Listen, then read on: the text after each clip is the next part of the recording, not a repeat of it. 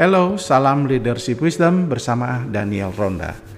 Uh, saya ingin mengajak saudara-saudara membahas kali ini tentang isu-isu kepemimpinan gembala dan saya berharap bahwa saudara dapat uh, memberikan uh, respons dan refleksi atas apa yang menjadi uh, pandangan dan opini dalam podcast ini.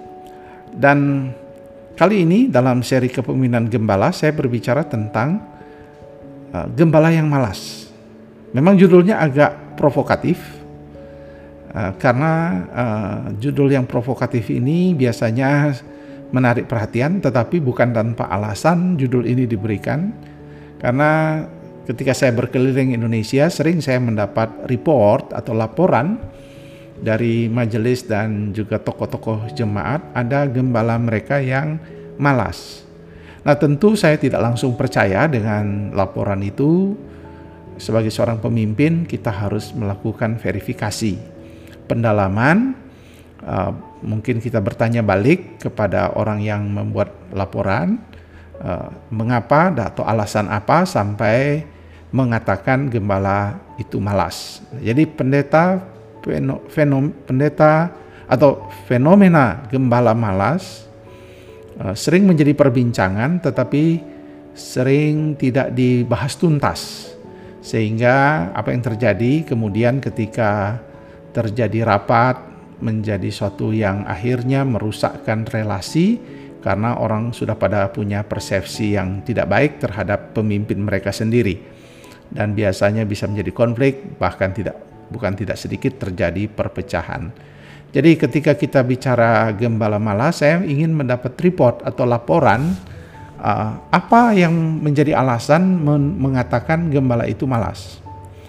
Nah, ada beberapa alasan yang disampaikan. Yang pertama, alasannya adalah uh, banyak gembala yang sejatinya mungkin tidak malas dari segi hidupnya, tapi malas dari segi tugasnya.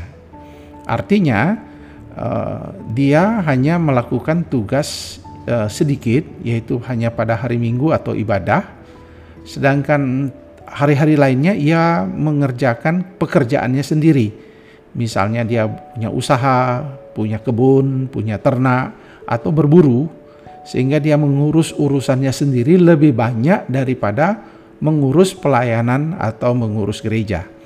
Jadi uh, tuduhan malas ternyata uh, disebabkan oleh adanya faktor lebih banyak mengurus urusan pribadi ketimbang urusan uh, pelayanan. Itu yang uh, tuduhan yang pertama. Tuduhan yang kedua adalah uh, itu terjadi karena saya melihat kurang komunikasi.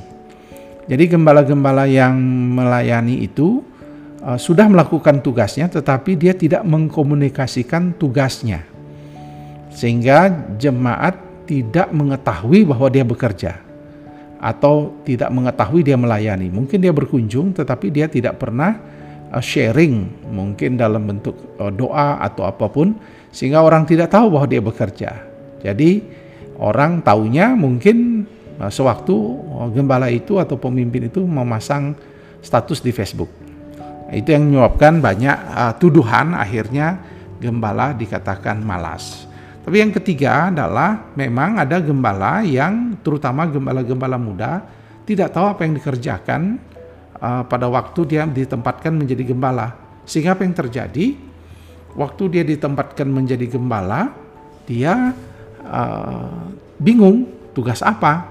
Sehingga dia lebih banyak mengurung diri kerja di rumah dan dia hanya pasif jadi kalau majelisnya menyuruh dia bekerja, baru dia bekerja. Kalau dia tidak uh, disuruh, dia tidak bergerak.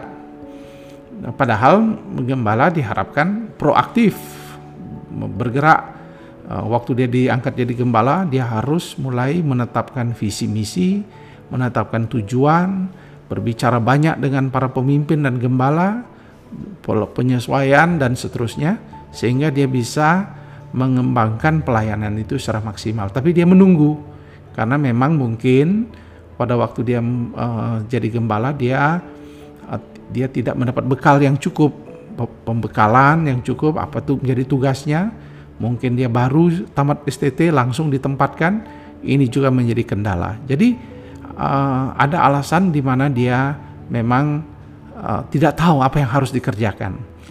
Dan yang tentunya keempat memang ada gembala yang memang karena tidak merasa ada panggilan, tidak merasa ada sesuatu yang uh, sungguh-sungguh dari hatinya, sehingga akhirnya memang dia sengaja tidak mau bekerja supaya uh, dia dipindahkan atau dia tidak ditempatkan atau memang dia menunggu. Jadi pekerjaan gembala itu hanya pekerjaan yang sifatnya menanti uh, di mana pekerjaan yang sesungguhnya mungkin dia berharap menjadi PNS atau menjadi anggota DPR atau menjadi anggota KPU dan sebagainya. Jadi dia menunggu situasi yang baik untuk dia meninggalkan pelayanan. Jadi ada memang orang yang uh, hatinya tidak di sana. Jadi kalau hatinya sudah tidak di sana, maka banyak pekerjaan tidak akan pernah beres karena dia bekerja asal-asalan, bekerja tidak sepenuh hati dan bekerja hanya karena faktor survive, hanya untuk ingin hidup sambil menantikan pekerjaan yang dia dambakan. Jadi itu yang terjadi uh, sehingga uh, setelah saya itu minimal empat. Tentu ada lagi alasan-alasan lain, tapi sebagai pemimpin uh, sebuah sinode, saya tidak semata-mata percaya dengan tuduhan itu tetapi mengapa dijadikan judul di podcast supaya para gembala mulai memeriksa diri. Uh, apakah benar uh, saya seorang gembala yang malas atau itu uh, karena faktor saya uh, belum tahu atau saya masih mau perlu belajar lagi. Itu sebabnya podcast ini ada untuk saudara memeriksa diri, memeriksa kembali kinerja saudara Terutama yang saya ingin sampaikan kepada saudara, memeriksa kembali teologi kerja saudara, teologi of work. Ingat uh, di dalam sebuah buku yang ditulis oleh seorang yang bernama uh, David Atkinson dalam judulnya Pastoral Ethics, ia mengingatkan bahwa bekerja itu adalah sebuah tanggung jawab jadi bagi seorang gembala bekerja itu adalah tanggung jawab. Tanggung jawab kenapa? Karena kita telah diselamatkan oleh Kristus. Kita telah uh, berhutang kasih kepada Kristus, maka bekerja membuktikan kasih kita kepada Tuhan dan bekerja dengan segiat-giatnya untuk membuktikan bahwa kita telah diselamatkan. Jadi bekerja adalah duty, tugas karena keselamatan yang telah diberikan sebagai rasa syukur, itu sebabnya kita harus bekerja keras. Bekerja dengan keras, bekerja dengan giat, karena kita telah mendapatkan keselamatan di dalam Kristus.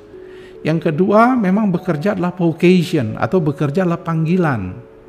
Sehingga kita harus ingat bahwa bekerja, pelayanan itu adalah panggilan. Eh, Martin Luther mengingatkan kita bahwa uh, pekerjaan itu adalah di mana itu adalah panggilan di mana sama nilainya apa pun yang kita lakukan sama nilainya dengan orang yang bekerja di gereja atau hamba Tuhan yang full time. Jadi apa pun yang kita kerjakan, kita sedang mengerjakannya untuk Tuhan. Itu panggilan yang Tuhan beri. Jadi yang kedua bekerja adalah vocation dan yang ketiga adalah bekerja adalah pelayanan. Jadi kita bekerja untuk motivasinya bukan uang, tetapi melayani kerajaan Allah dan pekerjaan itu adalah suatu misi pelayanan menjaga dunia ini dan memelihara kesejahteraan alam ciptaan. Jadi teologi bekerja itu ada tiga. Duty sebagai tanggung jawab, yang kedua sebagai panggilan dan yang ketiga sebagai pelayanan. Nah, kalau saudara mengerti itu, maka saudara akan tidak akan ada tuduhan malas. Malah saudara akan menjadi proaktif, saudara akan berjuang, saudara akan berinisiatif dan saudara merasa justru kekurangan waktu untuk bekerja karena terlalu banyak hal yang bisa dikerjakan dan wajib dikerjakan. Nah, itulah yang saya maksudkan dengan uh, teologi bekerja. Nah, tentu kita sel, selain memeriksa teologi bekerja kita, kita juga memeriksa komunikasi kita. Hal yang berikutnya, ketika kita dituduh sebagai malas, mungkin cara kita berkomunikasi yang kurang. Misalnya, ketika kita berkunjung, tentu kita tidak lapor kepada majelis, pada jemaat, tetapi cara kita adalah, misalnya pada waktu kebaktian doa atau ibadah, kita bisa memakai, uh, misalnya, saya minta didoakan hal ini waktu saya berkunjung kemarin. Nah, saudara akhirnya tanpa sadar orang tahu bahwa saudara sedang berkunjung atau melakukan kegiatan. Saya berharap juga media sosial saudara jangan hanya diisi dengan berisi misalnya status-status makan, status jalan-jalan, tapi status yang berisi renungan firman Tuhan, khotbah misalnya, singkat, renungan video, uh, pujian, saudara kalau punya karunia menyanyi, atau uh, pelayanan-pelayanan yang saudara lakukan di foto agar jemaat mengerti dan tahu bahwa saudara sedang bekerja. Jadi uh, komunikasi itu penting sekali sehingga saudara dikenal sebagai seorang yang uh, rajin bekerja. Dan yang ketiga ada pertanyaan, bagaimana? Apakah saya boleh mengerjakan urusan-urusan pribadi saya? Tentu boleh, tapi bisa diintegrasikan. Misalnya kalau saudara berolahraga, buatlah klub olahraga di, di jemaat sehingga saudara bisa memiliki kedekatan sekaligus bisa uh, berkomunikasi, berkunjung, mendoakan di akhir acara dan sebagainya. Misalnya olahraga bersama, ke kebun bersama, buatlah gerakan-gerakan kebersamaan yang kelihatannya bekerja hal-hal yang bersifat hobi, bahkan berburu sekalipun kita bisa mulai dengan sebelum makan berdoa, menyanyi, baca satu firman atau apa, lalu baru kita melakukan hobi kita berburu dan sebagainya. Jadi banyak yang bisa kita integrasikan dan banyak yang kita bisa buat sebagai sesuatu yang uh, terhubung dengan pelayanan. Jadi misalnya saudara ke kebun, misalnya saudara jadikan waktu berkebun misalnya waktu belajar. Misalnya sementara saudara berkebun, saudara pasang headset di telinga saudara yang satu untuk mendengarkan rekaman-rekaman khotbah di YouTube atau rekaman-rekaman khotbah di WA untuk menambah ilmu sambil belajar, sambil bekerja. Jadi saudara memaksimalkan di waktu yang ada pada saudara jadi ketika saudara dikatakan pergi ke kebun atau ke mana atau usaha, saudara sedang melakukan juga pelayanan pada saat yang sama. Jadi eh, jangan uh, jangan kita marah ketika dikatakan gembala malas, tetapi justru itu menjadi pemicu kita untuk melakukan refleksi, evaluasi atas kinerja kita. Betulkah kerja kita sudah efektif? Dan betulkah kita tahu bahwa pang, bekerja itu adalah suatu panggilan, tanggung jawab, dan juga pelayanan. Nah itu yang saya ingin sampaikan dalam podcast kali ini. Kalau ada refleksi, feedback dari saudara-saudara para gembala, silakan menghubungi saya. Dan saya senang mendapatkan masukan dari saudara. Selamat Tuhan memberkati. Salam